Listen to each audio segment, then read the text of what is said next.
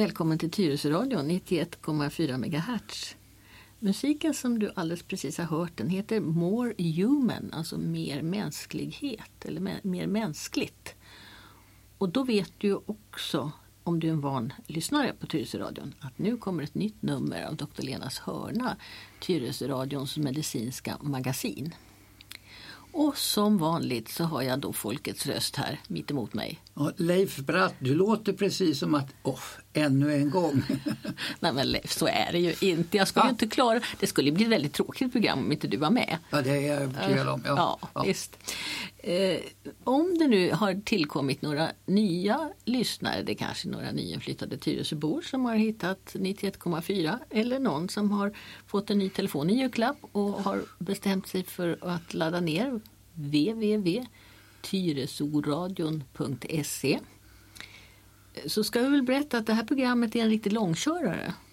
Hur länge har vi hållit på Leif? Tre, fyra år? Ja, det stämmer väl rätt bra. Ja. Och vi började ju då lite väldigt enkelt med de stora viktiga sakerna i kroppen och så tog vi ett år med folksjukdomar. Och förra året så pratade vi väldigt mycket om nervsystemet. Och då tänkte jag så här att i år nu så skulle vi börja våren, om man säger våren i januari, med eh, blod. Det heter ju vårtermin i skolan. Ja, ja, ja, då kan det heta vårtermin här hos ja. oss också, då, första, första vårnumret. Sen tänkte jag att lite längre fram under eh, när det börjar ljusna lite mer och bli lite varmare så ska vi prata om hormoner. Det passar ju bra också. Mm. Men eh, det är ju så att jag kanske inte alls pratar om det du vill höra. Och då är det bara att höra av sig antingen till mig eller till Leif eller till info tyresoradion.se. För då kan vi ändra lite grann på det här. Det är ingenting som är skrivet i sten utan de här programmen de utformas vartefter. Nu nickar Leif. Ja, jag bara, det är bekräftelse. Det är vanligt när man samtalar två människor. Eller, ja, så. För Fast det syns lite dåligt i radion. Jo, men vi är trots allt två människor. Så. Ja, och vi måste ju kunna kommunicera du och jag. Annat ja. än att du sparkar mig på benen under bordet. Ja, det är ju machossisten i mig. Ja, vi det, kanske ska, det, det skulle vara ett program. Machosist och, och, och sadist. Ja, det, det kan är, är det sjukdomar det? Eh, nej, det tror jag inte att det nej, klassas då, då får, som. Ja, då, då, får vi droppa Men det. Det, det, är ju, det finns ju mycket i det, inom det området också. Ja. Nej, men lite sadistiskt är ju det här med blod. För att om man ska se blod så måste man ju faktiskt göra hål i kroppen. Någonstans. Ja. Om man inte åker till köttboden förstås. Ja, men mänskligt blod då? Ja, ja, mänskligt blod. Då måste man ha slagit sig eller det blivit ett hål.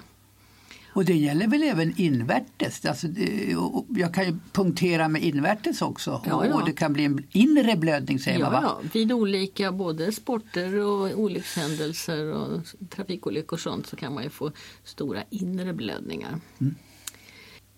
Vi har ju pratat lite grann om tidigare program om att hjärtat pumpade runt allt det här blodet och då hade vi en diskussion om hur mycket hjärtat pumpade ut varje minut. Nu är det ju så att det finns lite mer kropp, blod i kroppen än vad hjärtat pumpar ut varje minut. Men inte så himla mycket. Vet du hur mycket blod man har i kroppen? Alltså, jag tror att det är ungefär så här, fem liter plus. Man, alltså, man är ju barn och man är vuxen och man är man, man är kvinna. Men jag skulle säga fem liter plus minus en liter. Ja, du har läst på bra du. Man brukar säga 57 liter. Och det beror ju alltså på storlek, hur stor man är. Ja. ja. Eh, och det som pumpas runt på en minut det kom vi så småningom fram till att det låg ungefär på fyra liter. Skulle man ta ett hål och så bara vänta tills allt har runnit ut då tar det ungefär fyra minuter. Men det beror ju på att vartefter mängden minskar så sjunker också trycket. Så att det, det sprutar inte lika fort på slutet som i början. Men det är klart att det här är ett sårbart system. Och därför så är det nog alldeles riktigt att vi ska vara, tycka att det här med blod är lite äckligt och lite läskigt och lite otäckt. Minsta lilla barn brukar ju vara väldigt eh, orolig när det blir en liten, liten blodprick någonstans. Och det är ju säkert inget som är inlärt utan det är nog så att det ligger i oss. det där. Ja, men olika sorters rädslor av naturen given. Alltså, mm. Ormar till exempel, mm. det är ingen som har skrämt mig med en orm. Men jag vet när jag såg min första orm så var den läskig. Mm. Av sig själv, av mm. något skäl. Mm. Ja. Och, och, och, blod är alltså läskigt. Eh, och det, det gäller även för oss inom sjukvården. Jag jobbade i väldigt många år med en väldigt duktig sjuksköterska men, men hon blev fysiskt illamående av blod. Och det var lite besvärligt då. Sådär. Så att eh, det fick man tänka sig för att eh, någon annan kanske skulle ta blodprov om det behövdes. Och eh, hon var ju väldigt medveten om det. Men för henne så var det ett, ett hinder i arbetet. Annars hade vi väldigt mycket roligt. Men vi, vi höll inte på så mycket med blod heller på nej, den tiden. Men, mm. Ja, var ska vi börja någonstans hör du? Jo, alltså Blod för mig då, det är det här röda som rinner ut när, om man punkterar huden. Mm. De här inre kan vi hoppa över för de kanske inte märker. Ja, det är, rött där, det är rött där också, jag lovar. Ja, mm. ja men alltså, då pratar man om blodkroppar. Mm. Och då pratar man om vita och röda blodkroppar. Och då undrar jag så här, vad är de vita blodkropparna någonstans? Alltså det är ju rött som kommer, jag kan fatta, där är massa röda blodkroppar. Men varför kommer det inte ut några vita blodkroppar? De kommer ut, men det röda är så dominerande till färgen Aha. så att vi ser inte de vita som vita annat än när de blir eh, var.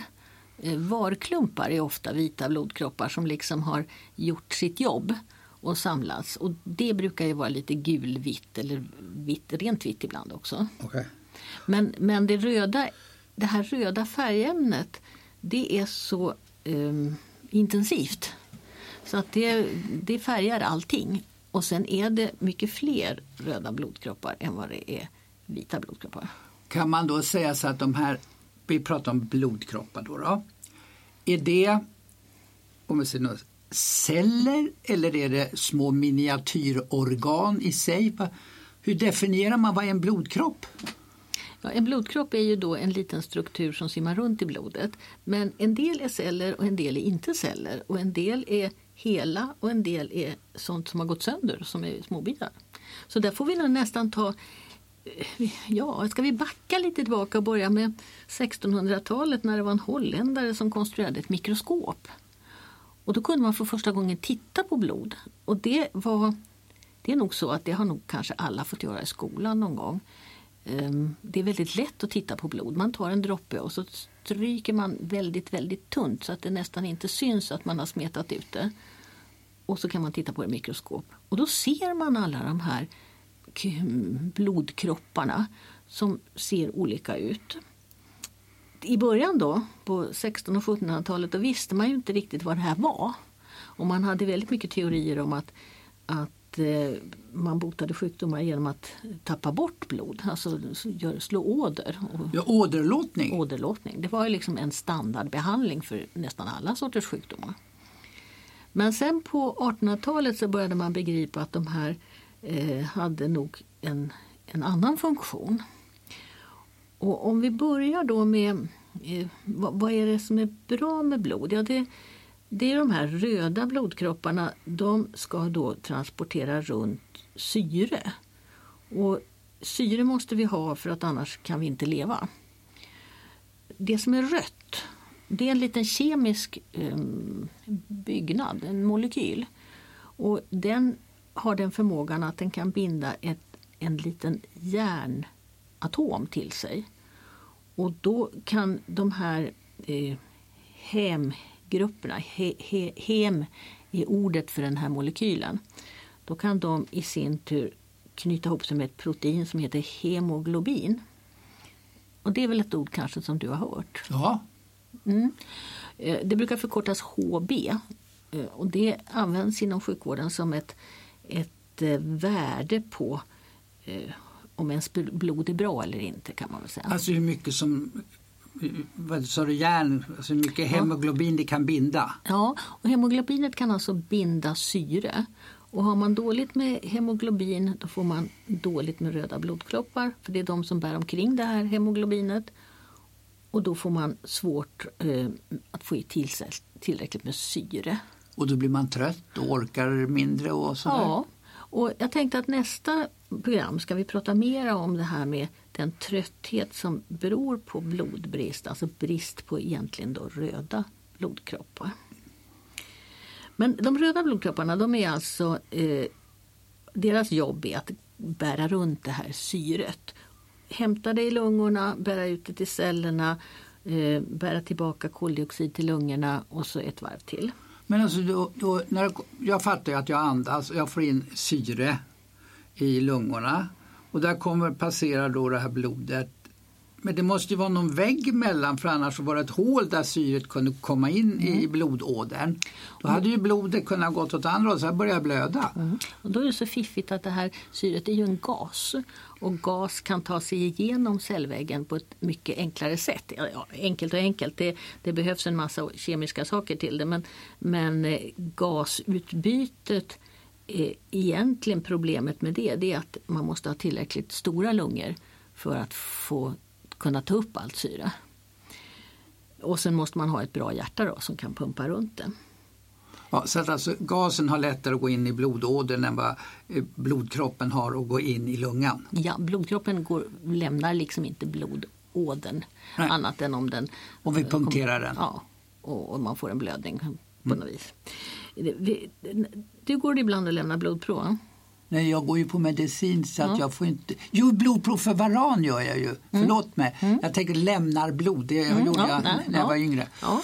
Men du, du går och någon, någon vill undersöka ditt blod? Ja, de sticker hål i fingret. Ja, de sticker i fingrarna. Ibland här i armvecket. Ja. Vet du varför man ibland sticker i fingrarna och ibland i armvecket? Då? Ja, alltså jag har intrycket av när de bara ta, ska ta för varan, mm. då räcker det att ta i fingret. Mm. Ska de ta andra blodvärden, då behövs det mer blod och då verkar det vara enklare. Och, mm. Det var min uppfattning, jag vet ja. inte. Och eh, blodsocker är ju ett annat sånt här prov som man också sticker i fingrarna. I fingrarna så har man så tunna blodkärl så att de här röda blodkropparna de måste liksom knöla ihop sig lite för att komma ut i dem. Och därför så kanske man får säkrare värden om man sticker i armvecket. Men när man ska ta blodprov ganska ofta som man då måste göra vid varan då har man alltså räknat om så att man får sticka i fingertopparna och ändå få värden som är, är riktiga kan vi säga.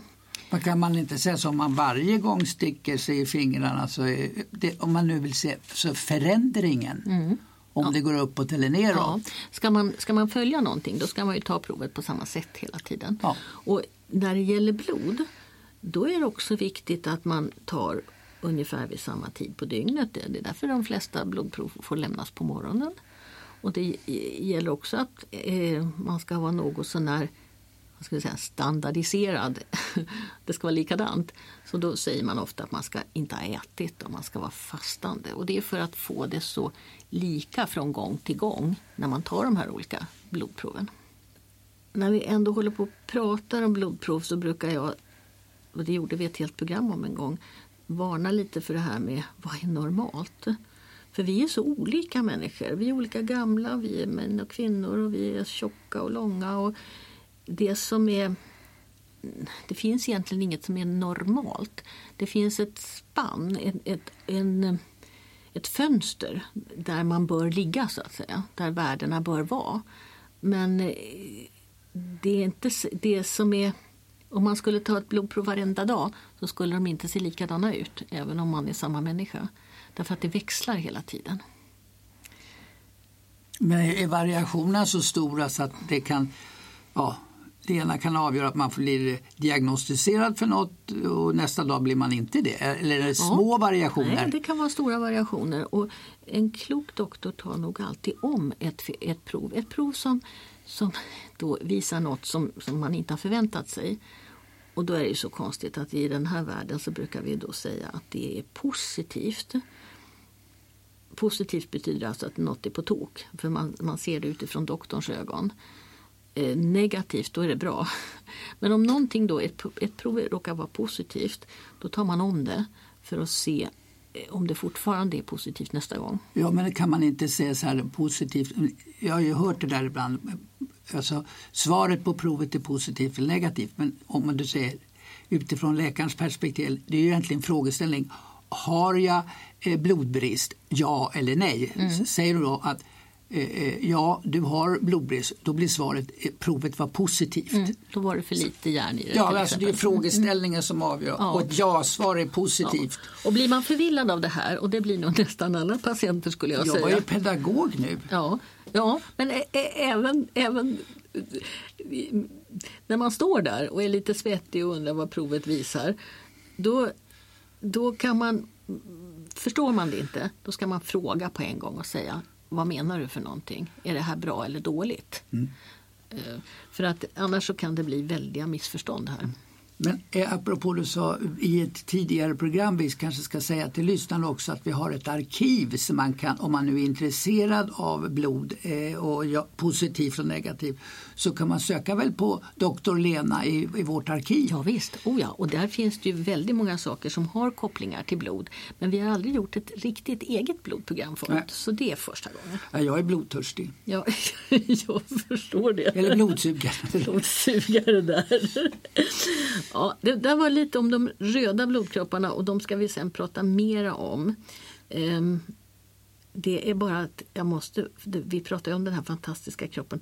Alltså, en fjärdedel av alla celler i kroppen är röda blodkroppar. Vi har så mycket röda blodkroppar så det, vi har alltså ungefär 25 biljoner röda blodkroppar som hela tiden snurrar runt i kroppen. Och de lever inte så jättelänge, de lever ungefär tre månader. Från det att de börjar bildas till det att de liksom är förbrukade. Vad, vad, vad, om de nu inte kan tränga in genom cell, ut genom cellväggar, jag har inte blod i avföringen eller blod i normalt sett. Vart tar de vägen? Ja, det är mjälten framför allt som sorterar ut när de börjar bli gamla och slitna och inte, inte riktigt har full funktion längre. Och då går järnet tillbaka i kroppen och går in och bild, sätter sig och bildar i de nya blodkropparna. Och de gamla de, det återvinns ganska mycket men det är framförallt mjälten som har och även levern till en del. Kroppens ättestupa alltså? Ja, alltså man ser ju till då att det ska vara så optimalt, de ska vara så bra fungerande som möjligt. Om man skulle få blod från en annan människa genom en blodöverföring då får man lov att räkna med en betydligt kortare eh, överlevnad. Dels för att de eh, är ju tillverkade Ja, man vet, det är svårt att veta när de är tillverkade, hur lång livstid har de kvar. Och sen har de ju då legat frysta i allmänhet. Och jag brukar nog till, när, till mina patienter säga att man får räkna med att de håller i åtminstone tre veckor. Men därefter så eh, är det inte säkert att den här påfyllningen eh, finns kvar längre. Så det är en väldig skillnad på eget tillverkat blod som då håller tre månader och sånt blod som man får från någon annan. Ja, men om man då fyller på, jag, jag har förlorat Siv, en liter, jag vet inte mm. om det är mycket eller lite, men jag, säger, jag, mm. jag har förlorat en liter blod. Mm. Och så får jag en påfyllnad på en liter. Mm. Men det har en kortare levnadstid eftersom det är mm. gammalt blod som jag får i mig. Eh, vad, vad, vad, märker jag för symptom efter tre veckor, en månad då när det så fattas en liter blod? Ja, är du frisk så märker du inte någonting för det här styr, kroppen reglerar det genom att slå på. Man kan väl säga att blodet tillverkas ju i benmärgen och det är en slags fabrik. Och den, där kan man alltså öka produktionen och det ge, görs genom att det kommer ett signalämne från njurarna som heter erytropoetin nu pratar vi om de röda blodkropparna. Och det är det som skidåkare använder när de dopar sig. När njuren bildar sånt, då sätter fabriken upp hastigheten. Då går man över till fyrskift från treskift. Så att det där, det där reglerar kroppen alldeles av sig själv. Ja, så man märker inte det. Nej. Ehm, sen är det en annan sak om man har något fel på fabriken. Men det återkommer vi till då så småningom. Ja, det, var, det där var de röda. Och sen så har vi då eh, vita blodkroppar nämnde du. Och de är in, fortfarande också väldigt många men inte riktigt lika många som de röda. Men de är, har flera olika syskon i sin familj. de röda blodkropparna det är bara liksom en sort. Men de vita de har en, olika sorter. Och när man tittar på det där blodet då i mikroskopet och ser de här olika, då ser de olika ut. Och de har olika namn. Och gör olika saker? Ja, men de har också en förmåga. De tillväxer mycket snabbare och de flyttar sig mycket mer och de flyttar sig ut i vävnaderna. Eh, de lämnar blodbanan och kan vandra ut. Jag läste på ett ställe faktiskt att de har små fötter de kan vandra ut genom eh, ut i olika vävnader.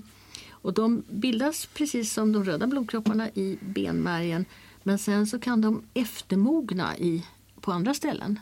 I lymfkörtlar eller i den körtel som sitter bakom bröstbenet som egentligen heter bressen eh, och som de flesta människor inte är så medvetna om att man har en. Eh, men det kan man, det kan, om vi går tillbaka till den här charkuteriaffären så kan man faktiskt äta bräss.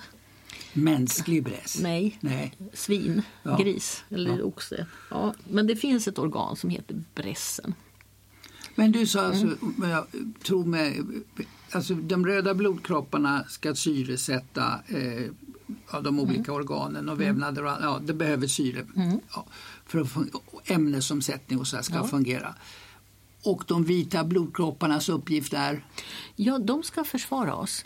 De, Jaha, det var de som blev var? Sådär. Ja, de tillhör vårt immunförsvar. Och de eh, reagerar, de kan reagera blixtsnabbt på om det kommer in främmande ämnen i kroppen.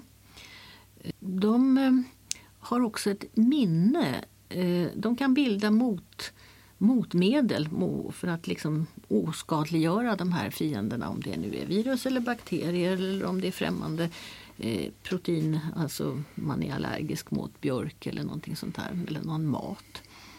Och de minns så att de kan direkt bilda nytt sånt här försvarsmaterial. Eh, och utan de vita blodkropparna då skulle vi vara förlorade. Och när man får en del behandlingar, framförallt behandlingar av cancersjukdomar och det gäller alla sorters cancersjukdomar Eh, så får man medel som kallas för cytostatika eller ibland så brukar man kalla det lite slarvigt för cellgifter. Men där är det de vita blodkropparna som är jättekänsliga. Och då är det på tionde dagen som värdena blir sämst. De börjar sjunka efter sex dagar och den tionde dagen det är den kritiska dagen. Och det är bra att veta om man får sån här behandling, även strålbehandling, att värdena sjunker inte med samma utan värdena blir som sämst ungefär en vecka efter behandlingen, vecka, tio dagar. Alltså, jag får mitt, nu slarvar uttryck, mm. cellgift mm. Ja, så, mot min cancersjukdom. Och det, och kan det, vara, det kan vara en lungcancer eller det ja. kan vara vilken cancersort som helst, prostatacancer eller något. De vita blodkropparna gillar inte cellgiften? Nej. Ja, så. Benmärgen, i och med att det här är ett ställe där det bildas hela tiden nya celler. Och en del av de här vita blodkropparna de kanske bara lever en dag. Så alltså det bildas hela tiden väldigt mycket nya celler. Och får man då ett, ett gift i sig, eh, det kan ju också vara att man blir förgiftad av något annat. Ehm, då eh, är det här ett sårbart ställe i kroppen. Bly är ju någonting sånt här som skadar bildningen då av röda blodkroppar.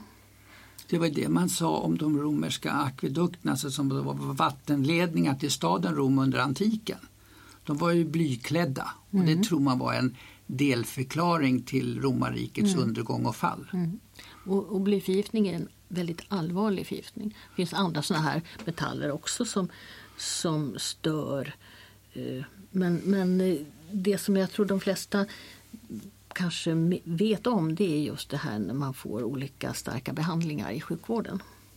Sen finns det ju alltså, ungefär hälften av allt i blodet är såna här blodkroppar. Den andra hälften det är ju då vatten och sen är det en soppa av olika proteiner. Och där finns det viktiga saker. Eh, det kan vara mediciner som åker runt i den där soppan och det kan vara eh, äggvita, alltså albumin. Det finns ett ämne som också är viktigt i det här sammanhanget som är en slags transportör för järnet och järnet det behövs då för att de röda blodkropparna ska kunna bilda det här hemoglobinet som i sin tur ska binda syret. Och sen så finns det då olika lagningsmekanismer ifall de här blodådrorna på något vis skulle gå sönder. Och det finns alltså en speciell sorts blodkroppar också som används för att laga eh, så att blodet börjar att stelna. Och de, eh, de heter eh, blodplättar eller trombocyter. Och när man då ska titta i det här mikroskopet och räkna då är det jättesvårt att räkna de här blodplättarna. Därför att det man ser det är små bitar av en stor cell som har gått sönder. Och det kan skilja väldigt mycket då på om man har eh, om man har 100 eller om man har 400. Det kan vara egentligen samma sak. Fast man, när man tittar på det ser bara det råkar komma några stycken förbi eller det råkar komma väldigt många förbi. Det här, att, rä, att räkna celler i ett blodprov det görs numera med maskiner som, som eh, avläser då hur de här cellerna eh, finns där. Eh, det finns nog fortfarande i vissa mm, specialsjukdomar man sitter och tittar på de här eh, med direkt själv med ögat. Men det är det här är svårt och det, de som sysslar med blod det är en speciell sorts läkare som heter hematologer. Och det måste man ha då en, en lång specialistutbildning för att bli hematolog. Och sen finns det särskilda biomedicinska analytiker, BMA, eh, som också är med och tittar på olika de här cellerna då, mikroskop. Men du, något som slår mig nu när du pratar blodet eh, tar syre och det finns sådana här lagningsmekanismer som gör att blodet kan levra sig och det finns vita blodkroppar i blodet eh, som då bekämpar främmande ämnen, skadliga ämnen och så vidare. Men mest, nästan mest basala, är inte blodet inne och föra runt näring också? I, om jag äter mat så åker den näringen runt med blodet? Ja, eh, Eller maten, byggstenar? Ja, näringen omvandlas ju från tarmen via levern och byggs om. Och sen så går den ut i eh, det är mera fråga om att det går ut i, i form av energipaket. Men det är riktigt, blodet är inblandat i att transportera saker runt i kroppen. Ehm, och ehm, inte bara olika, blodet är också inblandat i att det är lagom surt i blodet. Ehm, det, måste, det får inte bli för, det måste vara rätt pH i blodet. Och här är kroppen jättenoga med att det ska vara precis rätt. Och sen så hjälper ju blodet också till att hålla kroppstemperaturen. Så att, eh, ja, du har väl kanske har du hört talas om kallblodiga djur? Ja, ja och, och varmblodiga också. Ja, varmblodiga det är ju vi däggdjur ja. och kallblodiga det är ju då eh, kräldjur och fiskar och så. Mm. Men jag vill haka på där du sa blodet är en temperaturregulator också. Mm. Eller? Alltså, mm. mm. Ja. På vilket sätt då? Alltså varför jag frågar, jag är en frusen människa. Mm. Eh, har jag något fel på mitt blod då? Alltså det är ju många saker som styr temperaturen. Det är dels hur tjock man är. Eh, och om man eh, det är ju hjärnan som läser av och så kan man börja huttra och frysa. Men det är också så att om det är kallt ute så stänger ju kroppen av fingertoppar och tår. Det känner nog alla till att man kan bli jättekall. Ja, det, har, det har jag. Ja. Och då gäller det ju liksom att få ut varmt blod ända ut i fingertopparna. Och där är det ju viktigt då att, att blodet är varmt. Men jag kan ju inte göra någonting åt det. Nej, men du får värma dina kalla fingrar. Och så får du liksom ja. slappna av lite så, och röra på det. Så, ja, jag bara tänkte höra ja. här någon diagnos ja. varför jag är en frusen människa. Ja, nej. Du, nej, nej, du är lite mager. Om benen. Om benen. ja du Leif, nu har vi pratat i 29 minuter här. Vi har, vi har en halv minut kvar. Um, Blodplasma finns någonting som mm. heter också. Det är den här soppan som inte, inte är blodkroppar. Och det, när man när man, om jag vill veta om en människa eh, liksom allmänt hur de mår, då tar jag ju ofta ett, något som kallas för blodstatus. Och då får jag reda på eh, andelen blodkroppar och andelen plasma. Och då ska man ha lite mera plasma än blodkroppar. Har man för mycket plasma då är man lite uh, utspädd. Och har man för lite plasma då är man lite intorkad. Och det här är också sånt där som kroppen håller helt koll på. Och den där kvoten mellan flytande och fast, det, den kallas för hematokrit. Eh, och den, den ingår då i den här standard eh, blodstatuset.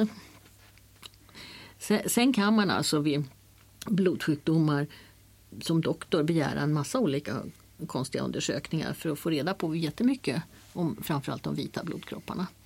Men det, är, det tillhör de här hematologernas specialområde. Ja, ska vi ta en paus nu då? Ja. ja. Då hörs vi igen om tre veckor. Men är det nu så att du har fått en massa frågor och funderingar kring det här med blod. Dels finns det jättemycket bra information på den här sidan som heter 1177. Och då tittar man under blod och där finns det frågor och svar. Eh, och det finns eh, lättskrivet så man begriper vad det står eh, om hur blodet fungerar. Och sen kan man ju alltså också höra av sig till oss och det blir ju vi bara glada av. Så då tackar vi för idag då. Ja. Tack för att ni lyssnade. Hej då.